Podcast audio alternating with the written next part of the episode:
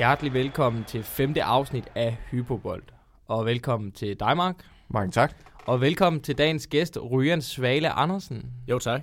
Er I øh, klar oven på en veloverstået jul? Så klar, som man kan blive.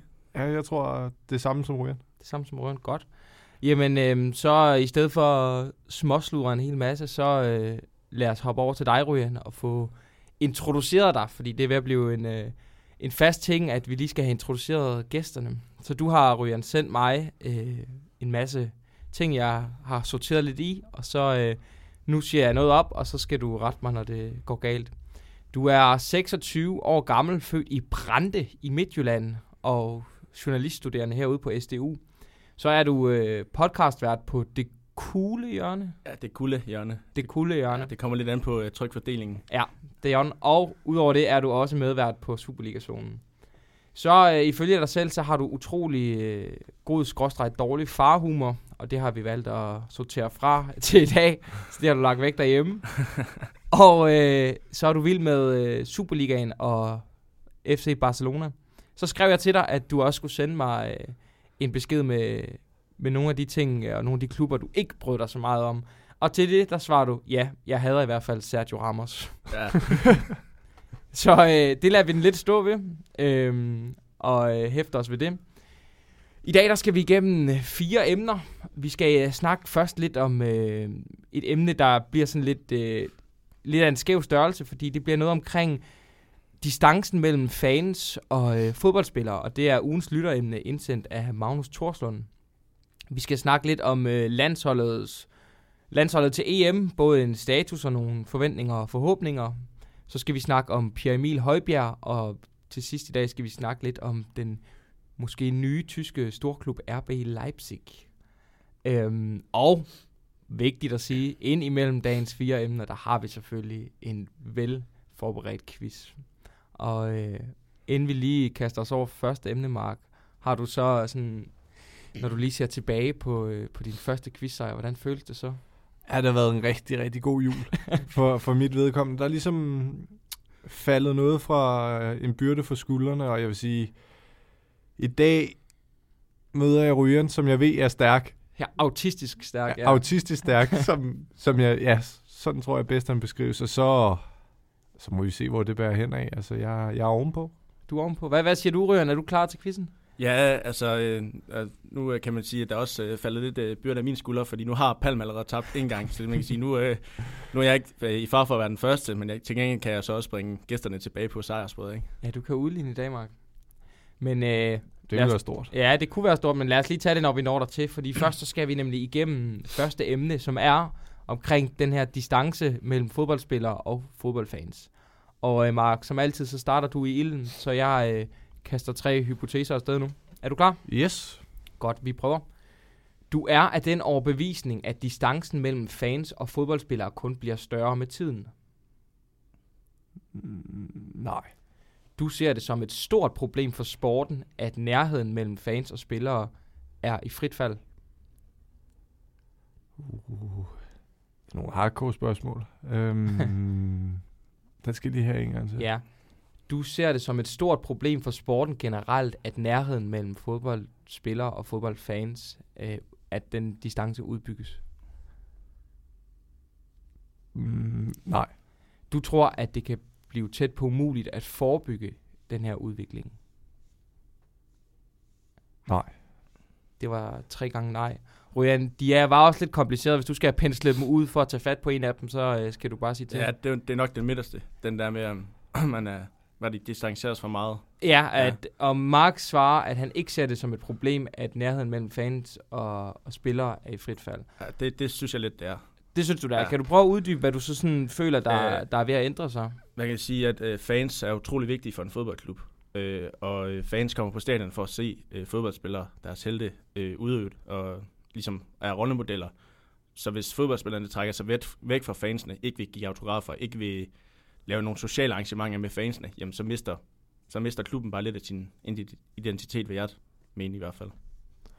Jamen, jeg er helt sikkert enig med Ryan, men jeg tror også grund til, at jeg havde lidt svært ved at, at svare på de her spørgsmål, det er Ja. måske, at jeg deler ikke den sådan øh, implicite diskurs, skulle jeg til at sige, der ligger i de her spørgsmål. Jeg synes ikke, at spillerne og fansene er på vej væk fra hinanden. Tværtimod, jeg synes, at man, man bruger, nu er det de sociale medier, der er i fokus i, i vores tid, og der synes jeg egentlig, at spillerne og, og hvad hedder det, fansene kommer tættere på hinanden, fordi man bliver en del af den her spillers privatliv også, så fremt de deler noget af det. Det er jo ikke alle sammen, der deler noget af det. Så jeg ved ikke helt, om jeg er enig i, i den præmis, at, at de, er, de er på vej væk fra hinanden, fans og, og spillere. Nej, og øh, det kan jeg i virkeligheden også godt sætte mig ind i, men jeg tænkte mere, at nu er vi i virkeligheden ikke ret gamle, nogen af os. Dengang, mm. hvor at, øh, man kunne tage til morgenbord med spillerne nede i, i Ådal, nede i OB efter træning, det er slut, og det er mange ja. år siden. Så det, det kommer ikke til at ske alligevel. Ja. Men jeg tænkte også mere sådan, at for at give et konkret eksempel, så kan jeg huske øh, til en af landsholdets øh, kampe under, under VM-slutrunden øh, sidste år, der var der sådan lidt polemik bagefter, fordi at spillerne de havde så travlt og skulle nå så mange ting, at de virkelig ikke blev ret lang tid øh, ved de fans, der havde taget rejsen. Øhm, og det gav sådan lidt, lidt konflikt, kan jeg huske. Og så tænkte, kom jeg bare til at tænke, øh, nu kom emnet ind, og så tænkte jeg sådan, men hvad tænker, for eksempel Ryan, hvad tænker du omkring det her med, at fodboldspillere ofte har så travlt? Øh, synes du, det kommer, at fansene kommer på bekostning af alle mulige andre ting for fodboldspillere? Øh, altså, grundlæggende vil jeg mene, at fodboldspillere har rigtig meget tid, i hvert fald i forhold til normale øh, arbejde, arbejder. Øh, det, er jo, det er jo sådan set kun træning, man skal til. Jeg ved godt, der ligger alt muligt andet kommercielt bagved. Så jeg synes, at i hvert fald fodboldspillere skal tage sig tid til fansene. Selvfølgelig skal de ikke, hvis der står flere tusind fans, skal de ikke igennem alle, men de må gerne, gerne bruge noget tid på dem. Og Mark, sådan, nu af god grund kan du sikkert ikke øh, huske det her øh, eksempel fra slutrunden, men mere sådan generelt, synes du ikke, at fodboldspillere kan få sådan en tendens til altid at, at have for travlt og hele tiden skulle videre, fordi jeg tænker tit også, når man ser fodboldkamp blive fløjtet af, det er ikke ret mange spillere, der bliver ret lang tid ude på banen for at ligesom øh, hylde os fansene.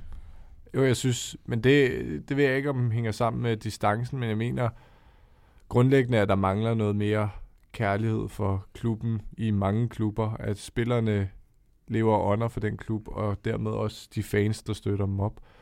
Og det vil jo alt andet lige også betyde, at de jublede mere, og de viste en eller anden form for, for glæde og taknemmelighed til de her fans, også efter kampene, men også inden kampene og på træningsanlæggene. Det, det er ikke meget, jeg følger med derude, hvor meget, øh, mange autografer, der bliver skrevet og sådan noget, men, men jeg mener grundlæggende, at der godt kunne være mere, hvad skal man kalde det, Ja, nu mangler jeg ord, men... Passion. Ja, passion lige præcis. Ja. Der mangler noget passion øh, det sted, de er, og det hele det går...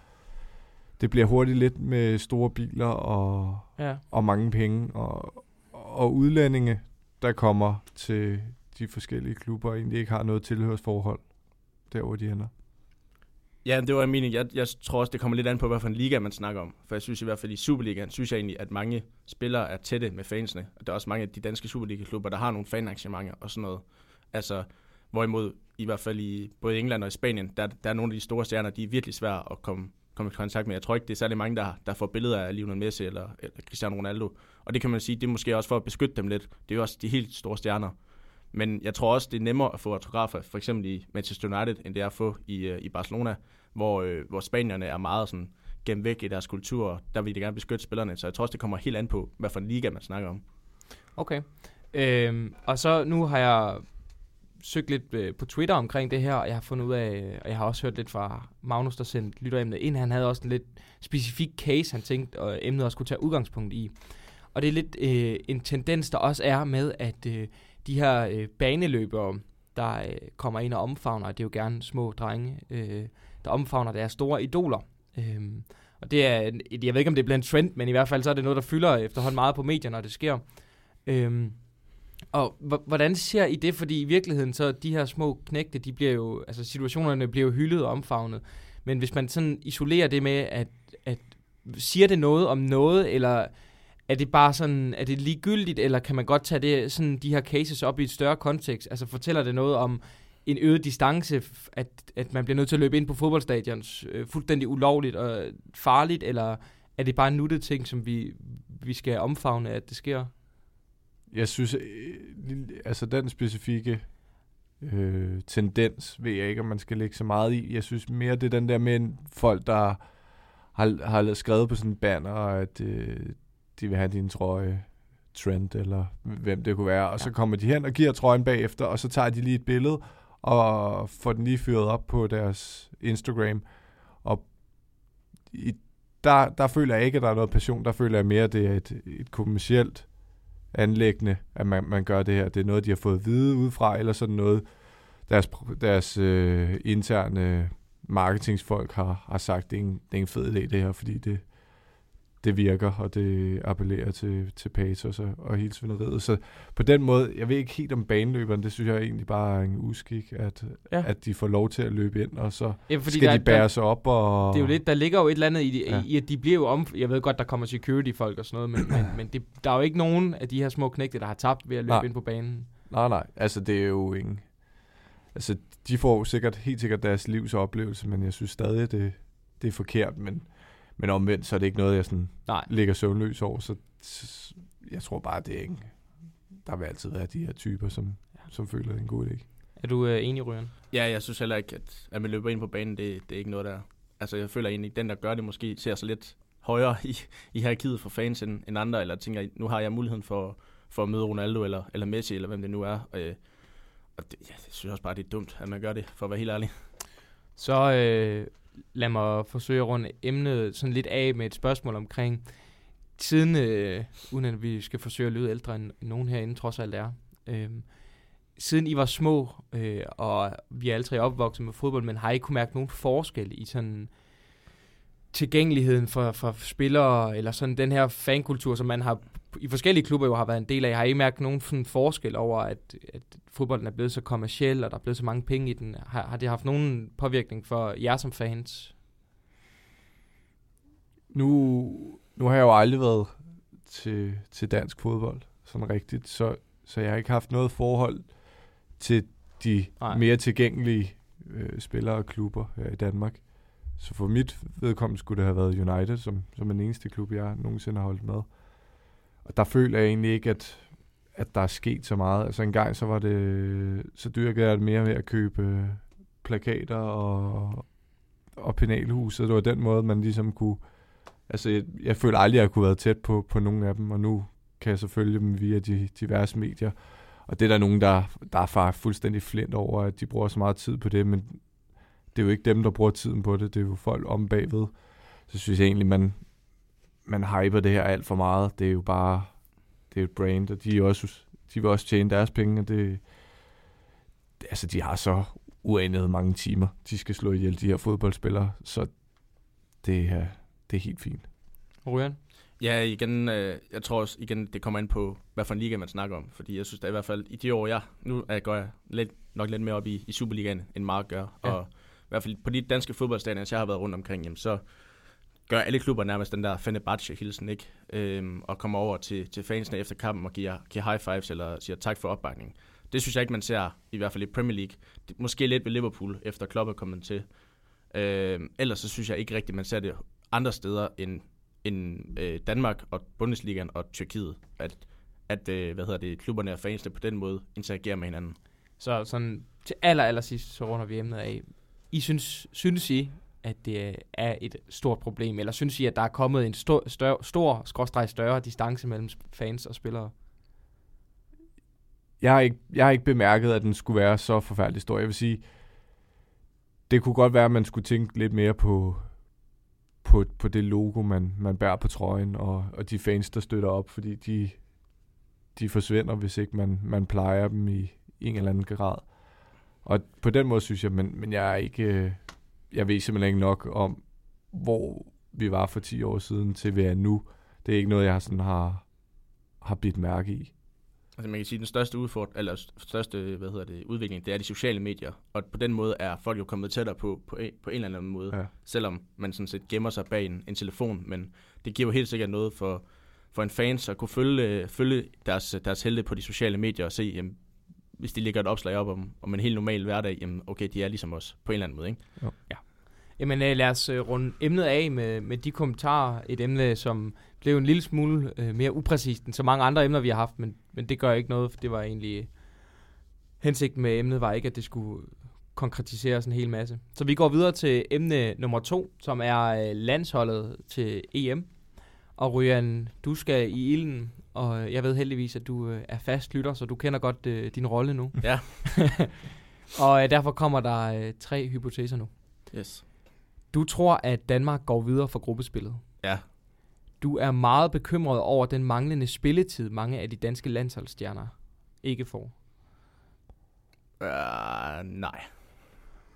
Du synes, at Simon Kjær og Christian Eriksen skal starte inde ved slutrunden, selvom de ikke kommer til at få spilletid inden for det næste halve år. Ja. Jeg er uenig i den i midten.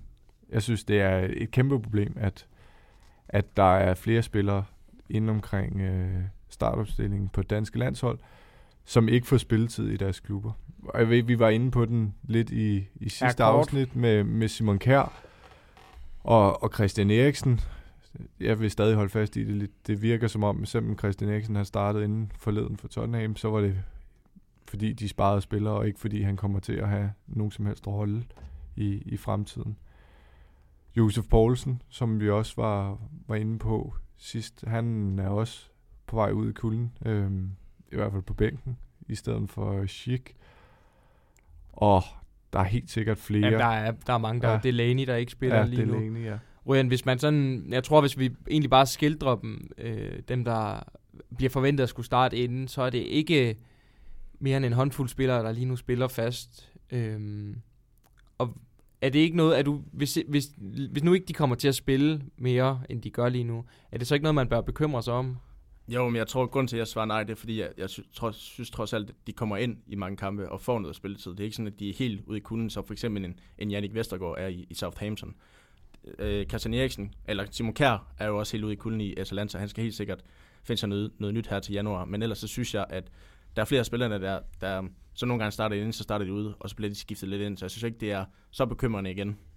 Øh, fordi det er jo, altså Åke Harreide har jo det her koncept, og han har haft de her spillere lige siden day one, øh, og så skal han til at vælge nogle, nogle nye, der skal ind i stedet for. Det, kan, det synes jeg ikke øh, vil give nogen mening i forhold til de spillere, der har været med til at sikre den her kvalifikation til Danmark. Og nu er du selv lidt inde på, at Åke han meget har fundet en kerne af spillere, som han så bruger næsten uagtet, hvor meget spilletid de får i deres klubber. Og det kan jo også være lidt det, altså demotiverende for de spillere, som så ligger i periferien øh, af truppen, eller i hvert fald har en drøm om at komme ind i den. Hvad skal man gøre, og kan I komme med nogle, nogle navne på nogle spillere, som, som godt kunne byde sig til øh, om at komme ind i, øh, i landsholdstruppen, når det, når det gælder? Ja, jeg synes, øh, det er positivt, at øh, en Pione Sisto er begyndt at få spilletid igen i, i Celta Vigo. Har jo før været, øh, været omkring landsholdet og har været helt ude i kulden i, i Celta Vigo. Nu har han begyndt at starte inden og spiller fast. Øh, og han er, en, han er en lidt atypisk spiller end dem, der er på landsholdet. Han kan lidt mere på egen hånd end, end andre spillere, så han er helt sikkert en mand, hvis han fortsætter øh, resten af sæsonen med, at- med at spille fast for Celta, så tror jeg, han, øh, han bliver udtaget til EM. Der er vel også en Mathias Jensen i Brentford, som spiller øh, fast. Der PT ligger nummer... Nu tabte de lige i går. Ja, de mener lå nummer tre eller sådan er de rykket ned? Jeg, så, jeg har ikke set efter, Nej, de tabte det i er går. Øhm, men, men han spiller fast for et, øh, et stærkt Brentford-hold, og niveauet i Championship er, skal man altså ikke kæmpe sig af. Det er, det er rigtig højt, så en spiller som ham skal helt sikkert med i min optik. Men om han kan slå den der Schøne, Eriksen, Delaney trio af, det ved jeg ikke, fordi der er også en, en Pierre Emil, som, som helt sikkert gerne vil ind og spille. Og nu bliver det her i virkeligheden sikkert bare noget gætteri, fordi der er et halvt år til slutrunden øh, reelt øh, starter. Men hvis I så skulle nævne, nu har vi snakket om et par spillere her, og der er i virkeligheden også sikkert en håndfuld mere, der lige nu går med smårealistiske forvent- håb håb øh, forventer at komme med. Men når vi kender Åge, altså en ting er, hvad I selv tænker, der vil være godt, men hvor meget tror I reelt Åge kommer til at skifte øh, til sommer? Ik- ikke særlig meget. Den eneste, jeg, jeg kunne se, øh, er, altså, jeg tror mere på Sisto, end jeg tror på Mathias Jensen. Fordi det er jo mere fordi, det er jo ikke, sidst du spillede, spillede måske ikke verdens bedste VM, men det er jo mere fordi, han ikke har fået spilletid i klubholdet, han ikke er på. Det er jo ikke fordi, han ikke er en dygtig spiller. Det er bare fordi, han ikke, han har ikke haft niveauet i lang tid. Og hvis han kan finde niveauet, så synes jeg, at han står længere fremme i køen end, end andre på landsholdet. Jamen, jeg, det er jeg faktisk enig med. Jeg synes også, at sidst du, han, han kunne godt byde sig til at være tæt på. Jeg synes egentlig, det, det største problem er forsvaret, fordi du har en, en Simon Kjær, der ikke spiller, du har en, en Mathias Sanka, der ikke spiller. han kommer lidt ind over and off, men han er sådan, da de spillede mod Besiktas, tror jeg, der, der, der var han i hvert fald ude. Han var lidt inde i sidste kamp, men røg ud efter 65 minutter. Og AC spiller jo heller ikke AC spiller dernede. heller ikke. Øh, Vestergaard slet ikke. Nej, Vestergaard slet ikke. Bjelland er også set ude, så jeg ved ikke helt. Hvad gør man så? Hvad gør Åge så? Jamen, jeg tror bare, han spiller med Simon Kjær og Sanka, men det er jo bare ikke optimalt, hvis ikke de er i, i kampform på nogen måde. Så er jeg med på, at de har noget, noget erfaring og, og, nogle kvaliteter, som, så det ikke bliver sådan helt hen i vejret, men det, det er jo ikke optimalt. Jeg synes også, at, øh, at højre bak er, er lidt et problem. Jeg ved ikke, hvorfor han konsekvent holder fast i, en, i den Henrik Dalsgaard. Altså, det tror jeg, så snart det hedder Kasper Julemand, så er Kasper, øh, hvad hedder det, Henrik Dalsgaard første mand, der ryger øh, i startelveren. Øh, Daniel Vaz har spiller den for Valencia. Han spiller for en af de fire største klubber i Spanien. Jeg forstår ikke, hvorfor han ikke spiller fast på landsholdet. Og så vil jeg også sige, både en, en Joachim Mæle i Gent og så en Rasmus Nissen i Salzburg, synes jeg øh, er fremragende på 21-landsholdet. Øh, og helt sikkert også fremtiden på landsholdet. Jeg tror bare ikke, de kommer med til, til EM.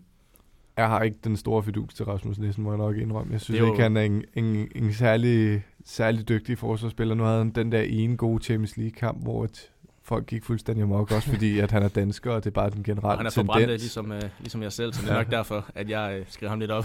men, men jeg synes helt klart, at... Uh, hvem var det nu, du, du nævnte lige? Joachim Mæle. Ja, Joachim Mæle, som er rygtet til, til Southampton her, og måske kan tage skridtet op i Premier League. Det kunne være rigtig, rigtig spændende. Han var også dygtig i den her U21-slutrunde.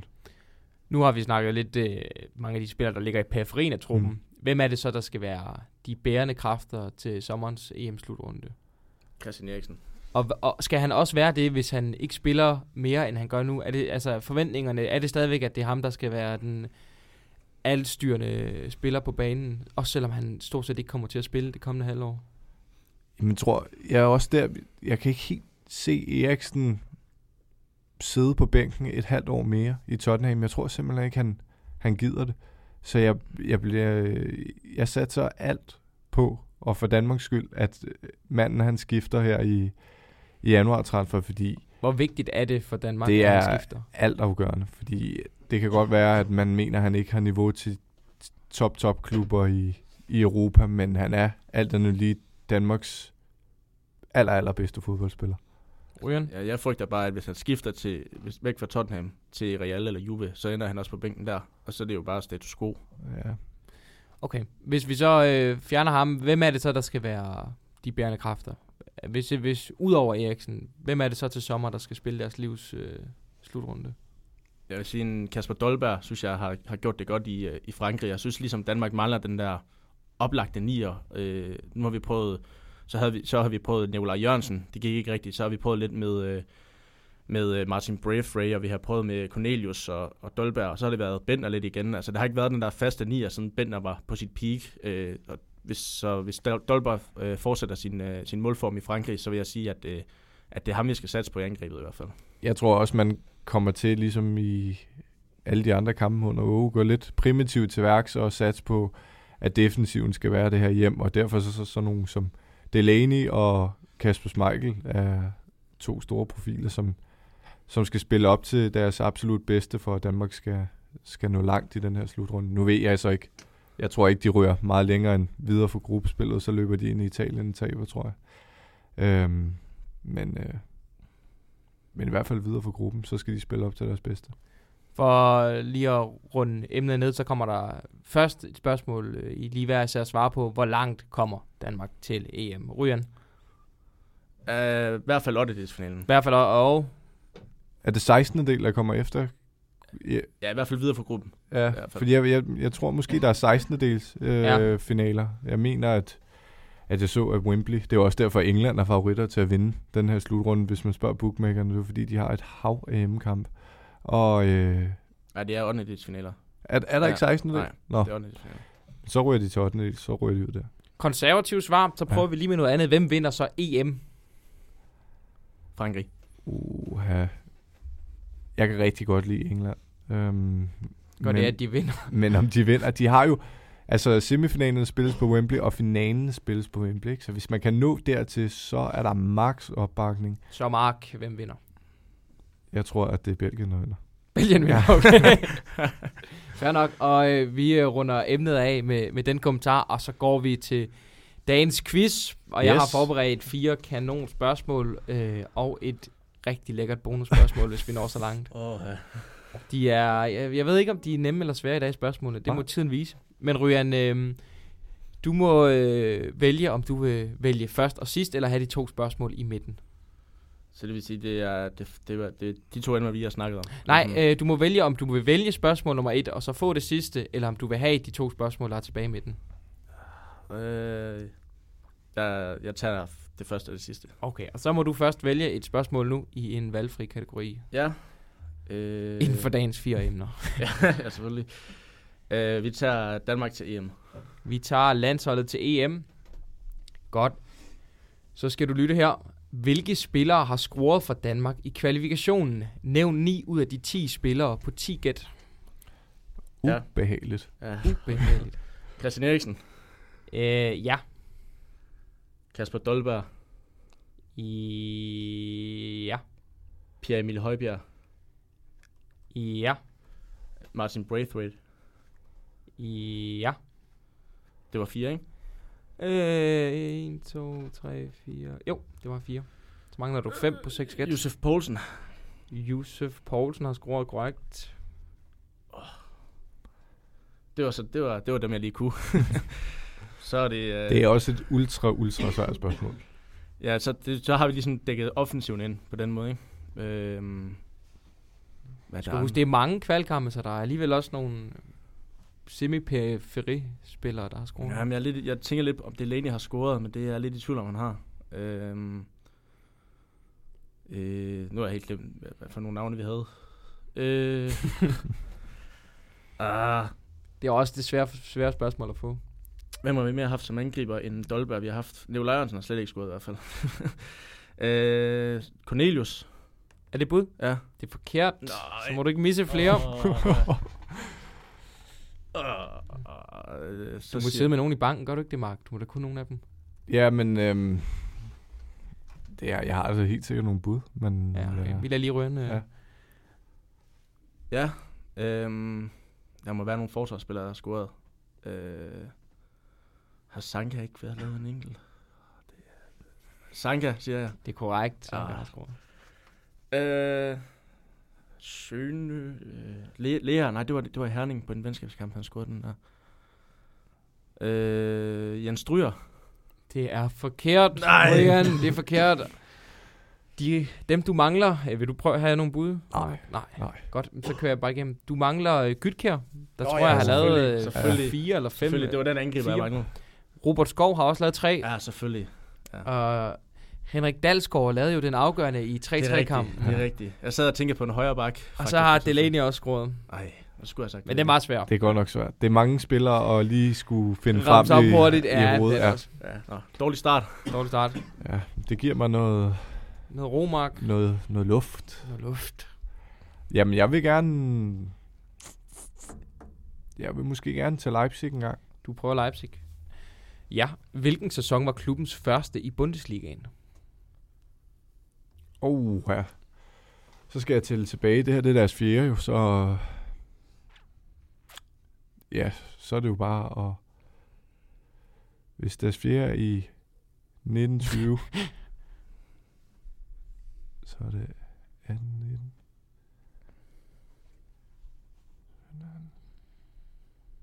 Det er, jo, det er jo ren matematik, jeg sidder nu Ja. ja. og kan falde på. Fordi Hvis de- det er rigtigt, at det er deres fjerde, selvfølgelig. Jamen, den her, det er deres fjerde, fordi i deres første, der blev de nummer to, og i deres anden blev de nummer 6, og i deres tredje blev de nummer 3. Så det, det er deres fjerde. Øh, så nu er det bare... Øh, åh, det, er et, det er tidligere om morgenen her, klokken Halv to. 13.30, vi sidder. Deres... Øh, altså, det her, det er jo deres 1920. Næste, næste 1920 sæson. Så er det deres... Så var det 18... Hvis du lader være med at grine, så Ja, kan jeg lige tænke her. Der er jo pres på. Ja, vi er inde i er klart. studiet. Ja, det er rigtigt. Ej, hvor er det sygt, at jeg ikke kan det her. Fuck. er der nogen, der kan hjælpe mig med at regne fire Nej, det er der ikke. Jeg, jeg kan sige så meget, at jeg har den. Men 1920. 18, 19. 17, 18. 16, 17. Så det må være deres 16, 17 sæson. 19, 18, 17. 16, 17 Ja, det er korrekt. Fint. Der ja, men det er sådan en, man ikke må svare forkert på, Ja. når man er 100% sikker ja, på det er det. rigtigt. Ja. Så er der noget omkring øh, Pierre Emil og så den her lidt tricky øh, fan-spillerkultur. Det er mig, der har fået den igen. Det er dig igen. Ja. Ja, der skal jeg... Øh, jeg vælger Pierre. Du vælger Pierre. Ja. Du skal nævne de fire klubber, han har spillet førsteholdskampe for i rækkefølge for flest spillede kampe. Du skal starte med den klub, han har spillet flest kampe for. Ja. Og det er, øh, der er en klub, han har spillet øh, før, altså, kampe for, men det er klubbens andet hold, så det tæller jeg god grund ikke med. Nej. Flest kamp for Første hold i ja. rækkefølge. Southampton, Schalke, Bayern, Augsburg. Det er korrekt. Det er korrekt, Mark. Bum. Bum! Okay. Hold nu op! Du nyder, Han- du han er nyder os tilbage. varm. Ja, du er tilbage. Hold da kæft. Ja. Så er det jo... Nå, øh, tak for i dag. Så bliver det bare for ære nu, Ryan, at du Ja. øh, får Ej, jeg spørgsmål. skulle også øh, have tænkt mig om, at det, at det sidste spørgsmål... Ja, men Mark valgte også de to Ja. nemme. Ej, det var Okay. flot, Mark. Det var jeg. Undskyld. Jeg synes, det var rimelig imponerende, det jeg kom op med der, men Ej, det var, det var imponerende. Men Ryan, skal vi ikke lige tage dit øh, sidste spørgsmål med her? Jo. Øh, og det har været lidt svært for mig lige at finde et passende spørgsmål til emnet, men nu øh, kommer det noget, der jeg håber giver mening. Du skal nævne fem ud af de seks klubber, der i de første 20 runder øh, i denne Superliga, Superliga-sæson har haft det højeste snit på hjemmebane. Så i de første 20 runder af den her Superliga-sæson skal du nævne de fem ud af de seks klubber Som har haft det højeste. hjemmebane gennemsnit af Ja. tilskuere. Brøndby. Ja. FCK. Ja. AGF. Ja. FC Midtjylland. Ja. Og hvad, på seks bud, ikke? Jo, så du må misse en også. du må godt sige hometown her, Rujen. Den har jeg sagt. Han har sagt FCM. Ja. Men han har Ja. ikke sagt Brande, nej. Nej, nej. Nå, nå. Jeg tænkte, Nå. hvor, hvor vi Ah, her. ja, men jeg er, ikke, jeg er usikker på den. Jeg Nå, tror, måde. OB Om det er de stede. Om de striverne. OB. OB er korrekt, og Ui, OB. er også korrekt. Flot. Så det var fint, men ligegyldigt, Ryge. Ja. Ikke nok. Ikke nok. Nej, nu, øh, nu får vi lidt højt humør igen for dig, Mark. Det kan jeg også Ja, godt, øh, nu, nu er du på nu er toppen. det faktisk glemt, at jeg tabte de første, Fuldstændig. første tre. Første tre. Jeg Ja, undskylder for alle. ja. 3-3 står du. Og vi hopper til øh, anden halvdel af programmet. Vi skal snakke Pierre Emil Højbjerg nu. Og Mark, det er dig til at få nogle hypoteser. Kom med dem. Du synes, at Pierre Emil Højbjerg er en undervurderet fodboldspiller. Nej. Du håber, at han starter inden ved EM til sommer. Ja. Og du tror, at Pierre Emil Højbjerg spiller i en europæisk storklub, inden hans karriere slutter. Nej. Nej? Ryan? Jeg er enig i dem alle sammen. Øh, det skal måske være den der med, øh, med at han er, om han er undervurderet, Ja. tænker jeg. Altså, jeg, sy- jeg synes ikke, han er i hvert fald ikke overvurderet, øh, men jeg synes heller ikke, at han som sådan er, er undervurderet. Øh, jeg tror, han er på den rette hylde, hvis jeg sådan skal, skal sige det. Jeg synes, det er, lidt, det er lidt stort, at han er anført i Southampton. Altså stort som i, at det er imponerende, eller... Ja, at, stort som han- det er imponerende, for jeg, altså, altså, jeg synes jo ikke, han er sådan en... Han er ikke den mest sexede fodboldspiller øh, øh, i forhold til... Altså man kan jo sige, at Thomas Delaney øh, fylder mere i, i danskernes bevidsthed end, end Pierre Emilie Højbjerg, så jeg tror lidt nogle gange, man glemmer, at han egentlig er anfører for øh, en Premier League-klub. Ja, men han er, han er også bare den her lille tonser, der... Han er jo ikke rigtig... Jeg ved ikke helt... Jeg, jeg er svært at finde, finde ud af, hvad Pierre Emil rigtig er god til, udover at, at forsvare. Det synes jeg, han, han gør fint. Men jeg synes også, at han er anfører, han er 24 år og anfører i Southampton. Jeg ved, det, det er ikke det, det er heller ikke det mest sexede hold i, i Premier League. Altså, det er jo også en nedrykningstroet hold. Og jeg, jeg mener egentlig ikke, at han, han, han er hverken overvurderet eller undervurderet. Han er på en rigtig flot hylde lige nu, men jeg synes ikke, at potentialet rækker til forfærdeligt meget mere. Og jeg mener ikke, at han er en gudsbenået fodboldspiller, og jeg synes heller ikke, at Southampton er et, et særligt fedt hold. Nu snakker du om, at potentialet ifølge dig ikke rækker til mere, ja. men er der ikke meget, der tyder på, at der er et eller andet gemt i ham, i hvert fald i form af, at han trods alt næsten noget brød igennem for Bayern München i, i, i en meget ung alder, og havde i hvert fald i Schalke et stort, et succesfuldt lejerpold, som meget ung. Også Pep Guardiola kunne godt lide ham, brugt ham meget. Og så havde han, der var noget familiært og, og nogle ting, men nu er han tilbage i Southampton, anfører som 24-årig. Altså, er det ikke mærkeligt at sige, at potentialet ikke rækker til meget mere, end, end, end, end at være anfører i en bundklub i Premier League, når manden ikke er ældre? Jamen, jeg tror ikke, han kommer til at udvikle sig sønderlig meget mere. Jeg mener, at han vinder rigtig meget på sin agerighed og sin vilje og den her terje øh, type, som, som han er, og det, det tror jeg, han kan leve rigtig højt på. Lad os nu sige, at Southampton rykker ned. Følger han så med? Hvis han gør, så er hylden altså ikke særlig øh, højt op mere, og skifter han, hvor ender han så? Han bliver jo ikke anfører i den klub, han ender, og der kan han komme ud i, i samme situation, som han var, da han kom til Southampton, sådan lidt inden og ude. Nu har han en manager, som, han, som tror på ham, og så tror jeg egentlig bare, at det altså han er ikke en stor leder, det er jeg helt med på, men, men der har også været, der, der er større ledere derude, og jeg tror, det er lidt i mangel af bedre, at Southampton har ham, selvom han er, altså det er, det er flot, men, men det kræver også altså en, en, en dansker som 24-årig, der bliver anført i Southampton.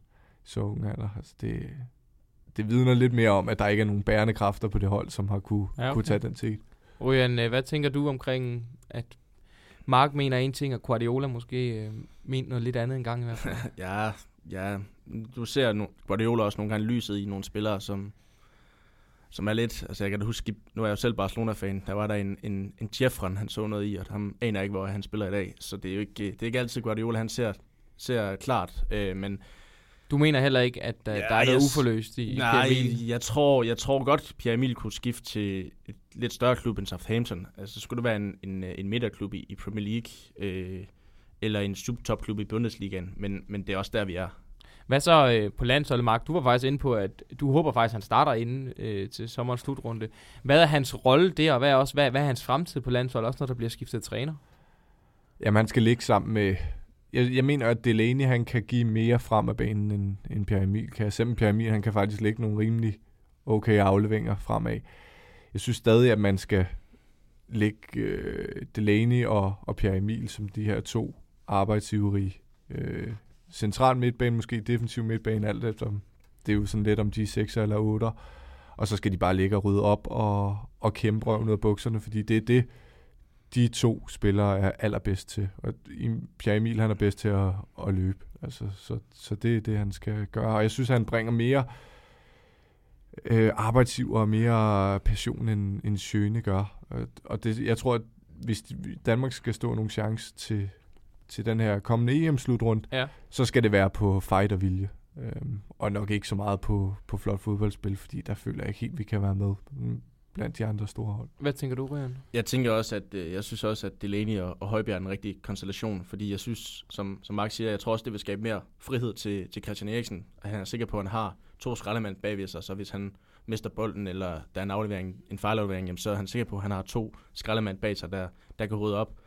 Og det skaber uden tvivl lidt mere frihed til, til Christian Eriksen. Øh, man kan sige, at PM Emilie er ikke den, den mest målfarlige uh, midtbanespiller. Jeg tror, han har scoret 6, 6 mål i, i hele sin uh, klubkarriere. Der er Delaney måske lidt mere, lidt mere farlig end ham, så jeg tror, du har ret i, at Pierre Emilie måske skal lidt, lidt mere defensivt end, end Delaney, der, der en gang imellem kan, kan komme med frem i, i, i spillet, spillet. Tror I så, at han kommer til at starte til sommer? For det er jo noget lidt andet. Ja, det er jo sådan lidt spørgsmål. Jeg synes, at der er ikke noget med nu kan jeg jo ikke følge, af gode grunde kan jeg ikke følge med i alting, men jeg mener da, at Sjøne, han ikke spiller forfærdeligt meget mere i, øh, i Italien. Jeg tror, han har røget lidt ud på, på bænken. Så ja, vidt jeg, det, og det hvis betyder han, jo ikke noget for Uka Harald. Nej, men jeg tror alligevel, sådan en mand som ham, hvis ikke han spiller frem til, til sommer fast på klubplan, så kommer Pierre Emil ind og tager den naturligt.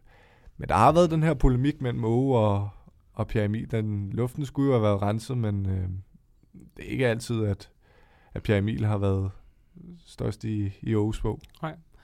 Jamen, øh, lad mig øh, runde egentlig emnet af med det. Det passer også øh, fint med tiden. Jeg synes vi egentlig, vi er kommet fint igennem, og vi hopper til dagens sidste emne omkring RB Leipzig. Og Ryan, du skal i ilden for sidste gang. Ja. Så øh, får du tre hypoteser her. Du tror, at Leipzig bliver tyske mestre i denne sæson? Og... Ja, Du bryder dig egentlig ikke om en klub som Leipzig. Mm. Jo, det kan jeg. Jo, det gør jeg. Du synes, at klubben er i besiddelse af en af verdens 10 bedste angriber. Ja, ja, han kan godt komme med. Han kan jo godt komme Ja. ja. med. Okay, Mark? Altså Yusuf Poulsen, ikke? Jo, jo, jo. jo, det er klart. Og jeg synes, den er lidt svær. Også fordi, jeg synes godt, vi kan tage den her op med, om, om vi kan lide Leipzig eller ej. For jeg, altså man kan godt sammenligne Leipzig lidt med den, altså Manchester City i England. Den her købeklub. Det, det er jo ikke på samme måde, fordi ja, Leipzig blev stiftet i år 2009, da de købte her SSV Magranstadt. øhm, Flot Og- udtale. og der, der, og der, efter de har købt dem, så er de jo bare øh, i raketfart taget den her tyske, de tyske ligaer med storm og bare rykket op, øh, helt op til, til Bundesligaen. Og på den måde, så er det jo lidt, det er jo ikke så smukt, at Red Bull går ind og, og køber en anden klub, og så bare tilfører nok midler til, at man kan købe de store spillere, og så bare rykke op og, og ende i toppen af Bundesligaen. Der er ikke så meget der er ikke så meget historie, og der er ikke så meget der er ikke så mange følelser i det her. Og jeg har faktisk taget sådan en lidt sjov statistik med, at deres øh, hjemme, hjemmekamp publikum fra år 2009, da de blev købt, der var den gennemsnitlige øh, de gennemsnitlige publikumantal på 2.150. 2000. 2.150, og så steg den så til 4.000 og 7.000 og 7.000 årene efter år, og nu er den op på 38.000, ikke? Ja. Og de har været til stede i, i 10 år. Den her stat er 10 år gammel.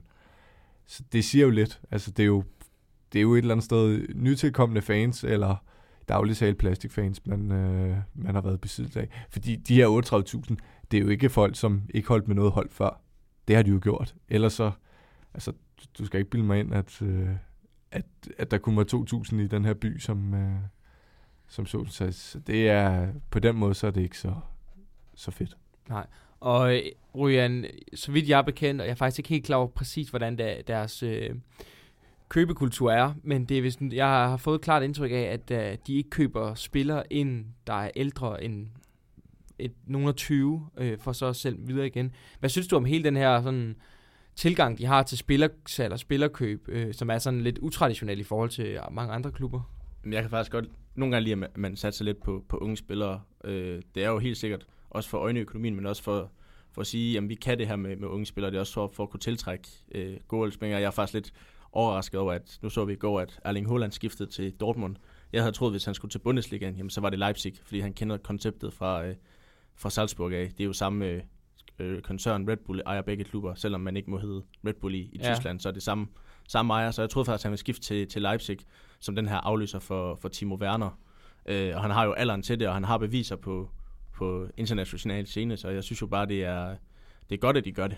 Mark, hvad siger vi til, at, at fodboldklubber ejes på den her måde af, det er jo så en øh, energimærkefabrikant Red Bull, der ejer flere klubber rundt omkring, og det er også noget med, at Salzburg i Østrig skal være sådan en lille moderklub til, til den tyske Leipzig her og sådan noget. Hvad, hvad, hvad tænker du om det?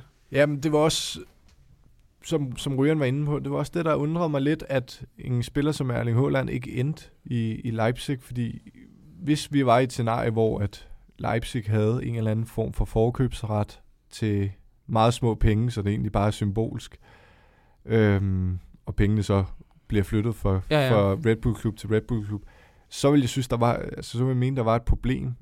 Men nu er han endt i Dortmund øh, til 20 millioner, tror jeg, jeg læste det var. Ja, Så, så der har jo tydeligvis ikke været en eller anden forkøbsret, og så synes jeg egentlig, det er okay, at, at man ejer flere klubber. Men jeg kan godt se problemet i, at hvis Red Bull så også lige køber en klub i Frankrig, og øh, ja så bliver det sådan så, lidt... bliver, altså, så handler de bare på kryds og tværs, og, øh, og så vælger de den klub, der er størst, og så der skal alle talenterne skibes ind, og så bliver det jo egentlig bare sådan flere forskellige talentfabrikker, der gavner en klub.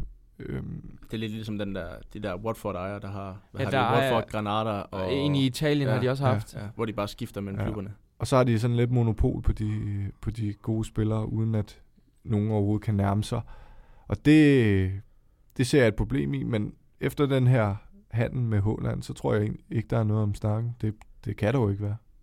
Og nu har vi du har i hvert fald lidt mange fået skudt øh, Leipzig en smule ned, i hvert fald ytre dig om de ting, der ikke nødvendigvis altid er så godt. Men hvis vi så hæfter os ved, hvor sindssygt imponerende det er en klub, der blev stiftet for hvad, 10 år siden, der lige nu fører Bundesligaen og altså fuldstændig har taget verden med storm, kan vi godt ja. tillade os at sige. Hvordan kan det lade sig gøre? Penge. Og en god manager. Ja, det, lige nu det har de nok den mest, en af de mest spændende manager i, i, i hele Europa, i Julian Langesmal, ikke? Jo. Uh, men jeg synes også, hvis vi skal hæfte os lidt ved det der, som jeg sagde, købeklub, så hvis du kigger på, på Leipzigs nuværende trup, så synes jeg egentlig også, der er mange af dem, der har været med fra starten af. Altså den, der har spillet flest kampe for hele klubben, det er Josef Poulsen. Han har været der siden 2013. Så er det en Diego Demme, han er der stadigvæk. Så er det Emil Forsberg og Marcel Sabitzer. Og så nummer tre på den liste, det er Dominik Kaiser, der spiller i Brøndby. Så det er, jo, det er jo folk, der har været med fra starten af, som stadigvæk er en del af truppen. Så har de godt nok købt øh, Timo Werner i, Stuttgart og har holdt ham, men alligevel så er det også en grundstamme, man har haft med, ja. siden man spillede i, i 3. Bundesliga, tror jeg.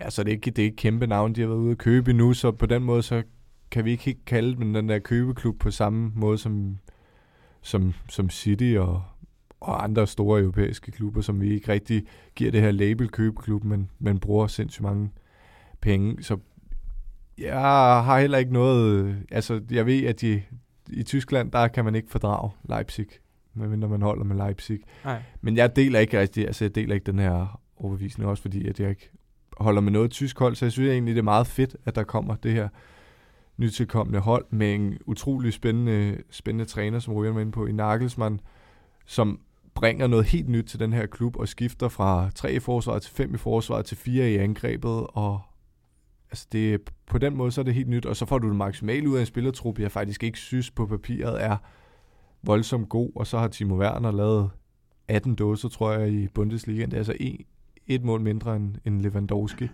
Det går sådan lidt under, under radaren i Ja, jeg tænker tale. også, at vi lige skulle, skulle nå igennem ham. Altså, hvor god er han, og om ikke andet, hvor god kan han blive? Fordi det er jo ikke mere end, hvad var det, et halvt år tid, altså et års tid siden, at han var rygtet til Liverpool, for så at skulle være uh, supersop-lignende-agtigt. Ja. Men det, er, altså, det vi vil ud over nu, fordi det gider han jo ikke længere.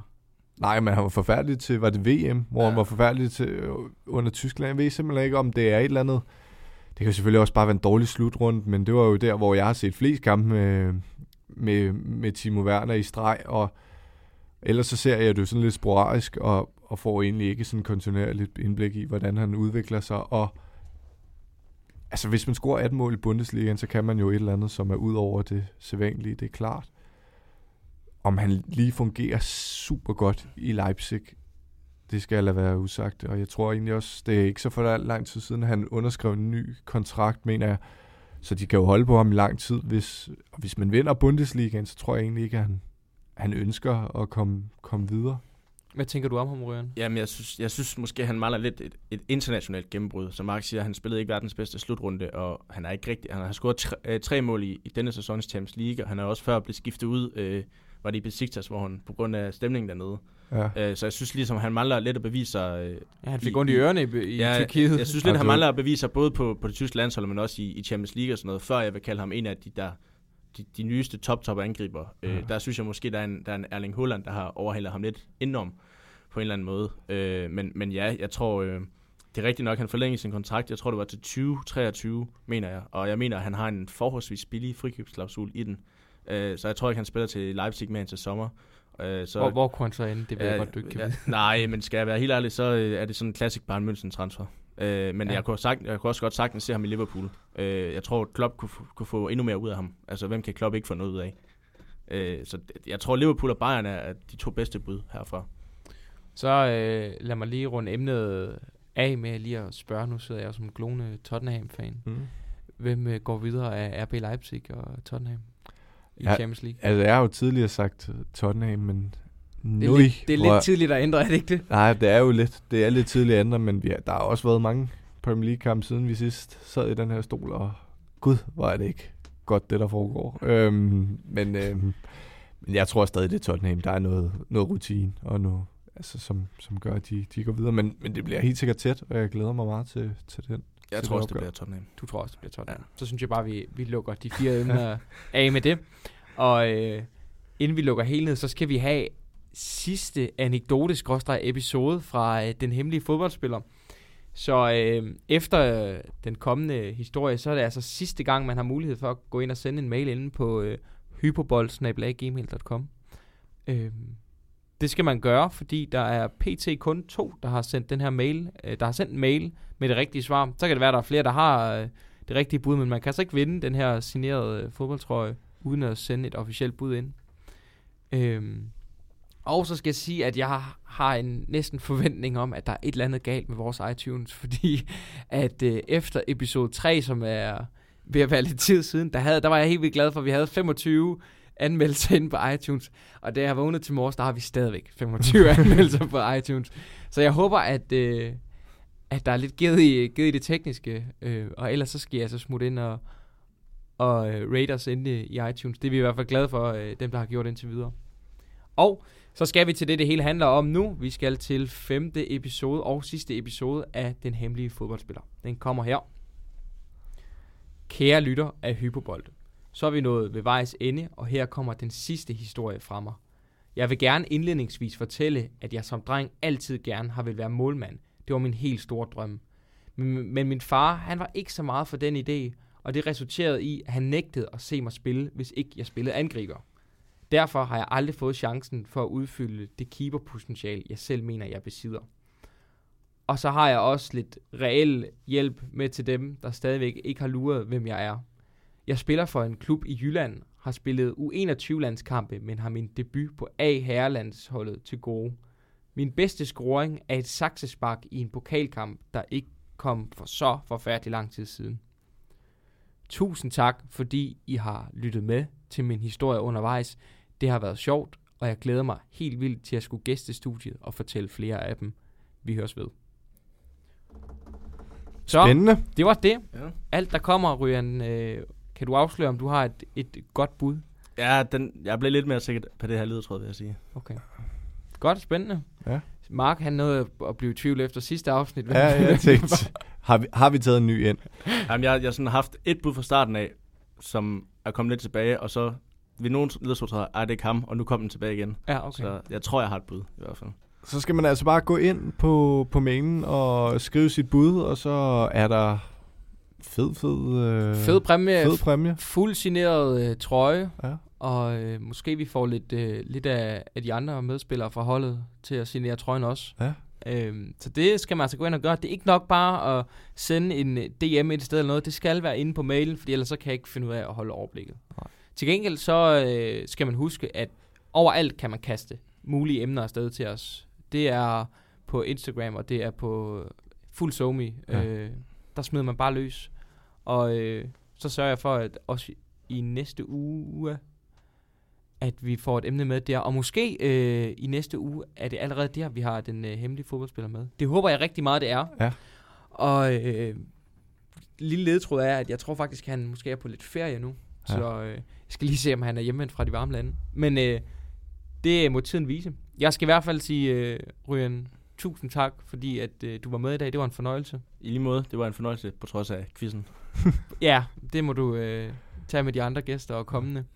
Og øh, tak til dig, Mark. Det var også en øh, fornøjelse. Og du er tilbage på sporet. Helt fuldstændig tilbage på sporet. Jamen, jeg er efter en rigtig, rigtig sløj start, så har jeg ligesom fundet fodfæstet i den her quiz igen, og folk, der tvivlede derude, de kan jo passende bare stikke piven ind, fordi at øh, der er altså nye boller på suppen. 3-0 er den farligste føring. Åbenbart. Vi, øh, vi lyttes ved øh, til næste episode, og så øh, kan vi også glæde os over i mellemtiden, at vi nu har rundet 1000 lyt på øh, diverse platforme. Ja, det, er- det er virkelig imponerende. Det er vi Det er vi glade meget, for. meget glade og, og stolte af. Det er i virkeligheden nok den primære grund til, at vi sidder her. Det er ikke så sjovt, hvis det kun er en selv, man snakker til. Nej. Tak fordi I lyttede med derude. Vi høres ved.